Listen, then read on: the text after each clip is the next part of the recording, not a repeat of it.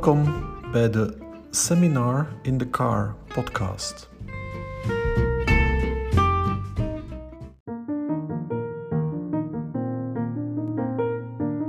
Oké iedereen, vandaag heb ik een nieuwe software gebruikt voor het opnemen van de podcast, dus het wordt een beetje zoeken.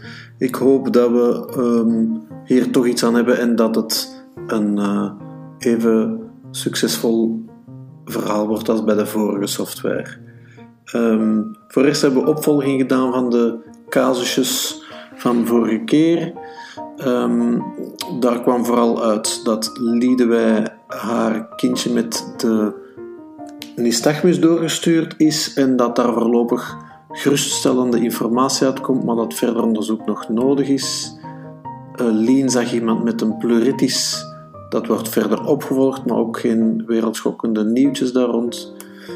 Melissa, um, haar patiënt met het CVA of iets dergelijks, um, bleek een Brady-Tachy-syndroom te hebben met VKF. Um, maar gezien dat de man alle verdere therapie weigerde, is daar ook geëindigd. En Jasmin zag de zus van de patiënt die zij had gezien, waar we een beetje twijfelden over toch eventueel longembolen. En die zus had dezelfde symptomen, dus vermoedelijk was het toch eerder iets van infectieuze oorzaak. Vervolgens komen we bij het overlopen van een aantal mededelingen en praktische zaken. Ik had de vraag gesteld rond het PO-seminarie en ook na nog enkele WhatsAppjes gekregen te hebben na het seminarie, denk ik dat de voorkeur toch is om de PO's apart te hebben. Um, ik moet binnenkort praktijkbezoeken plannen, dat zal op donderdag zijn en daarbij zal ik ook jullie uh, telkens eventjes moeten spreken. Daar horen zeker nog meer van. Uh, Brent zou graag hebben dat casussen wat verder worden uitgewerkt als er een probleem of een vraagstuk overblijft. Um, dus we zullen dat vanaf vandaag ook doen. Dat er, uh, wanneer er een casusje wordt besproken en op het einde hebben we zoiets van ja, oké, maar we willen wat meer over weten, dan zal de aanbrenger van de casus of een andere vrijwilliger dit verder uitzoeken. En Nathan um, wou graag de urgentietroesenrichtlijn van Domus Medica eens samen bekijken en bespreken hoe die in de verschillende praktijken uh, ingeladen wordt en hoe daarmee omgegaan wordt. We kunnen ook rond andere thema's trouwens hier wel eens een uh, half uurtje of zo aan wijden. Ook dat zal ik in de toekomst met jullie nog bespreken. Vervolgens bespreken we de kleine casusjes. Uh, de eerste aan de beurt was Simon met een 27-jarige vrouw die zich aanmeldde met vermoeidheid sinds enkele maanden en waarbij onder beide ogen belangrijke echymosen te zien waren en ook een uitgesproken cyanose van de vingers, die de PO eigenlijk niet was opgevallen. De patiënt was eigenlijk op consultatie bij de PO en Simon werd erbij geroepen om ook zijn mening te geven. Er werd heel veel navraag gedaan rond allerlei mogelijke oorzaken voor de echymose, maar eigenlijk kon niets weerhouden worden. De PO heeft een zeer uitgebreide bloedname gedaan, die echter ook niets aantoonde. En ze was blijkbaar extreem uitgebreid. De patiënt draagt geen bril die de echymose zou kunnen uitlokken. Er is een blanke voorgeschiedenis en ze neemt geen medicatie. De vraag blijft dus wat de etiologie van die ecchymose zou kunnen zijn maar die hebben wij dus niet kunnen achterhalen. Vervolgens hebben we de casus van Daan. Daan zag een 43-jarige dame die eigenlijk kwam voor het verwijderen van hechtingen in, in een hoofdwonde na een val, vermoedelijk onder invloed van alcohol. Maar de man van de patiënt had recent aan de alarmbel getrokken wegens haar alcoholgebruik. Recent is de dame ook gehospitaliseerd geweest omwille van alcoholisme.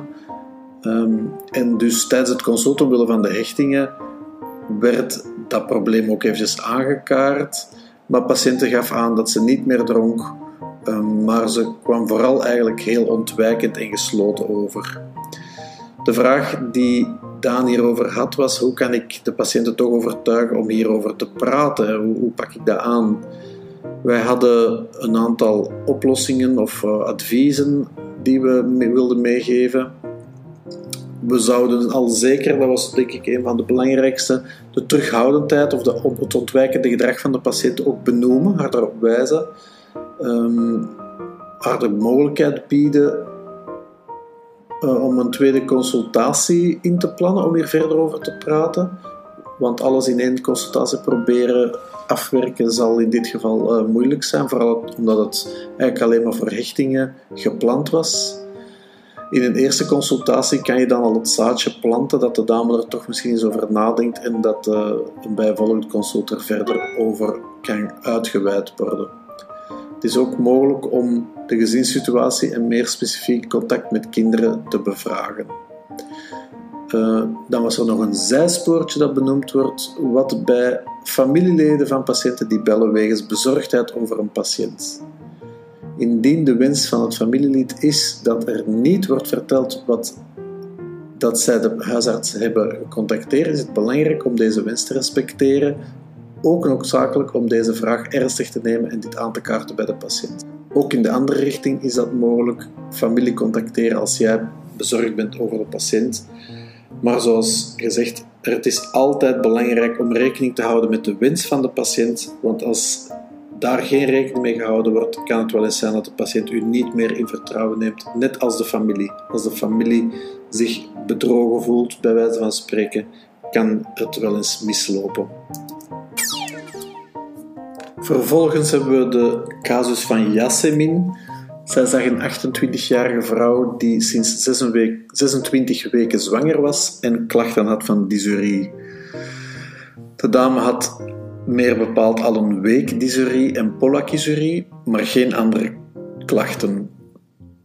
Klinisch onderzoek was normaal en de dipstick toonde geen nitrieten, wel proteïnen. In overleg met de collega werd toch besloten om furadantine op te starten en een urinesediment en cultuur aan te vragen. Cultuur toonde een zeldzame lactobacil en het sediment was verder normaal. De vraag die Jasmin heeft is of de klachten voldoende zijn om de diagnose van cystitis te stellen en wat met de cultuur. Um, mijn idee hierover was dat eigenlijk klachten voldoende zijn om de diagnose te stellen. Het BCFI zegt dat cystitis ook niet altijd behandeld moet worden. Uitzondering zijn wel zwangere vrouwen, waar sneller eh, behandeld moet worden. Het is te zeggen, als de cystitis bewezen is, moet ze altijd behandeld worden bij zwangere vrouwen. De NAG neemt wel een dipstick eh, om de diagnose te stellen. Um, Uricran Plus zou ook therapeutisch kunnen werken volgens de firma zelf. En gewone Uricran is preventief. We hebben eigenlijk niet echt een sluitend antwoord vanuit de groep. Yasemin zal opzoeken in welke mate voor een cystitis bijkomende onderzoeken en of behandeling met antibiotica nodig zijn. En dit ook losstaande van een zwangerschap. Sophie vertelde ons over een 61-jarige vrouw met polyfarmacie en achteruitgang van de algemene toestand. De patiënte kwam met de vraag om psychofarmaca af te bouwen. De voorgeschiedenis was CVS, foliumzuur, deficiëntie, long-QT en psychische stress. De medicatie, onder andere Azaflow en Pantomet, maar dan vooral de psychofarmaca, Seroquel 100, Ketiapine, Xanax, een halve milligram, Cymbalta, Risperdal, Trazodone en paroxetine. Initieel werd hiervoor een doorverwijzing naar de behandelende psychiater uh, overwogen. Daar werd de Seroquel al gestopt zonder afbouwschema. Dit leidde dan echter tot de algemene achteruitgang met nachtmerries, misselijkheid, zenuwachtigheid en depressieve klachten. Recent is ze ook op spoed geweest omwille van deze algemene achteruitgang, maar daar is ze naar huis gestuurd. Sophie focuste tijdens de consultatie voornamelijk op de psychische stress en het balansmodel. De vraag die over de casus blijft hangen is: hoe kan deze afbouw van zoveel verschillende medicatie aangepakt worden? Een overleg met de psychiater lijkt ons hier zeker aangewezen. Best aansturen op een opname eventueel om de afbouw van de medicatie te doen onder observatie, want het is echt wel heel veel. Ik denk niet dat het aangewezen is om zelf aan zo'n massa aan medicatie te gaan sleutelen. Vervolgens hebben we de casussen van Lien, want Lien had er uh, uiteindelijk twee. De eerste casus is een 51-jarige vrouw met functionele darmklachten. De patiënt komt al lange tijd, elke twee dagen, met vage abdominale klachten die nooit kunnen worden geobjectiveerd. Ze heeft al een normale coloscopie gehad bij de gastroenteroloog, gaat ook regelmatig met klachten naar de wachtpost. De patiënt beseft dat ze regelmatig komt, maar lijkt er zich niet van bewust dat ze vermoedelijk hypochondrisch is. Haar vader heeft darmkanker gehad en hier is ze wel uh, heel bezorgd over. Uh, ze doet wel niet mee aan bevolkingsonderzoek voor darmkanker. De vraag die Lien hierover heeft is hoe kan ze ervoor zorgen dat de patiënt niet elke twee dagen komt en mag ze haar eigenlijk weigeren. De suggesties die we doen zijn eventueel psychotherapie slash gedragstherapie opstarten bij een psycholoog. Um, en het best benoemen misschien bij de patiënt dat ze een hypochonder is. Al is het moeilijk om dit tactvol aan te brengen. Een diëtiste kan eventueel ook helpen om het FODMAP-dieet op te starten. De tweede casus van Lien is een 36-jarige man met een vesikel op de wenkbrauw die jeukt. Er is een vesikeltje aan de wenkbrauw en er zijn pre-auriculaire klieren unilaterale jeuk. Er is een vermoeden van eventueel een zona. En Lien heeft het ook al dusdanig behandeld, omdat het dicht bij het oog zit. Ja, eventueel moet het niet per se behandeld worden. Ten eerste omdat er toch heel veel twijfel is dat dit een zona is en gezien de jonge leeftijd van de patiënt. Anderzijds is het inderdaad dicht bij het oog. Voor de quiz rond diabetes verwijs ik rechtstreeks naar het aparte document. Daar gaan we hier niet op ingaan. Dat brengt ons dan bij de uitgewerkte casus van Melissa.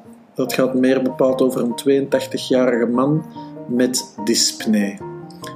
De anamnese vertelt ons dat de man afgelopen nacht orthopnee had die beter was na rechtop zitten. Deze ochtend was hij oncomfortabel omwille van acute dyspnee in rust en hij merkte zelf een uh, piepende ademhaling op. De verpleging stelde een saturatie van 82 procent vast, die steeg naar 95 met 2 liter zuurstof en waarbij ook de klachten van dyspnee verbeterden. Er was geen hoest, geen rhinoree, geen koorts, geen hemopteu, geen pijn op de borst, geen palpitaties. Uh, de man is wel geïmmobiliseerd, um, dus te zeggen, hij is rolstoelgebonden.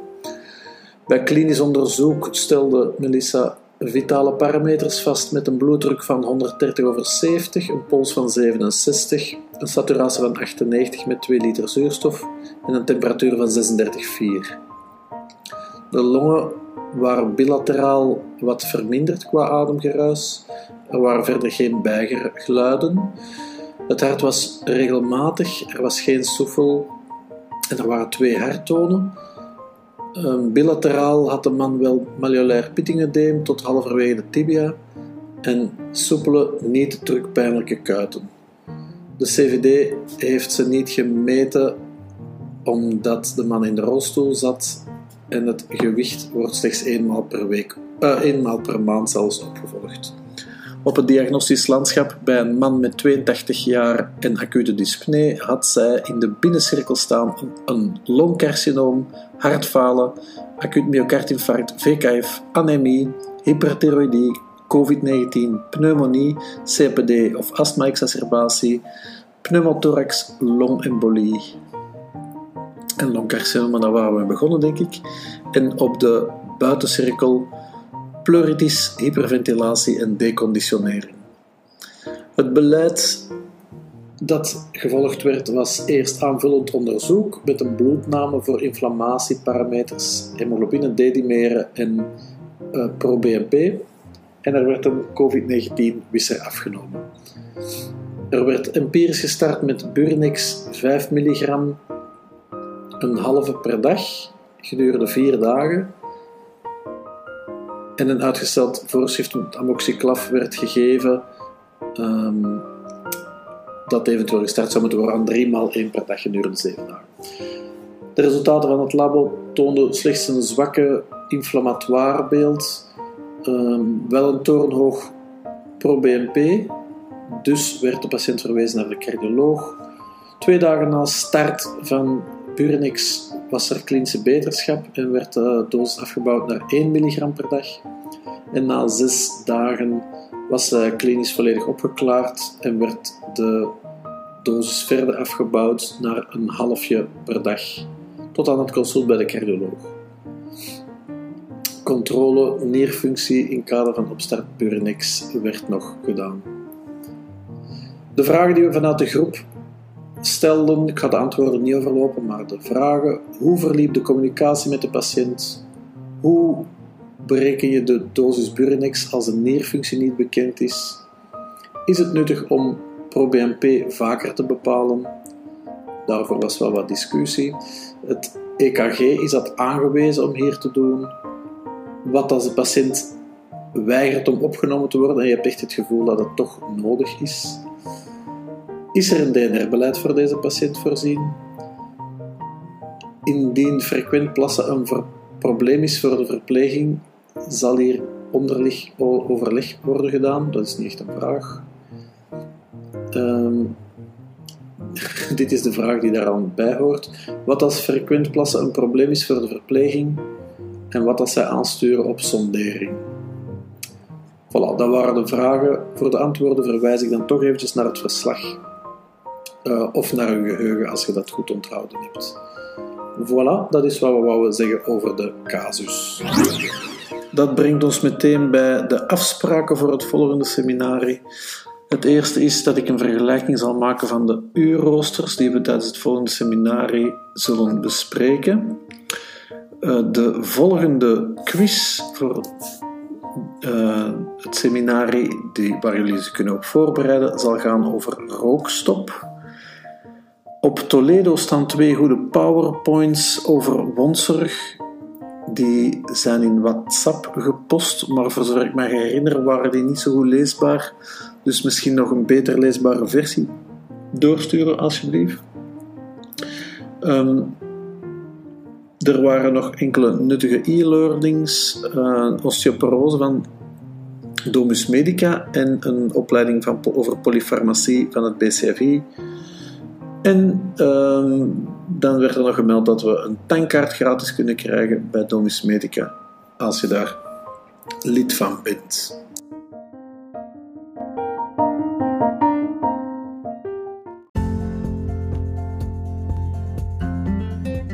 Oké, dat brengt dus, dus bij het einde van dit verslag.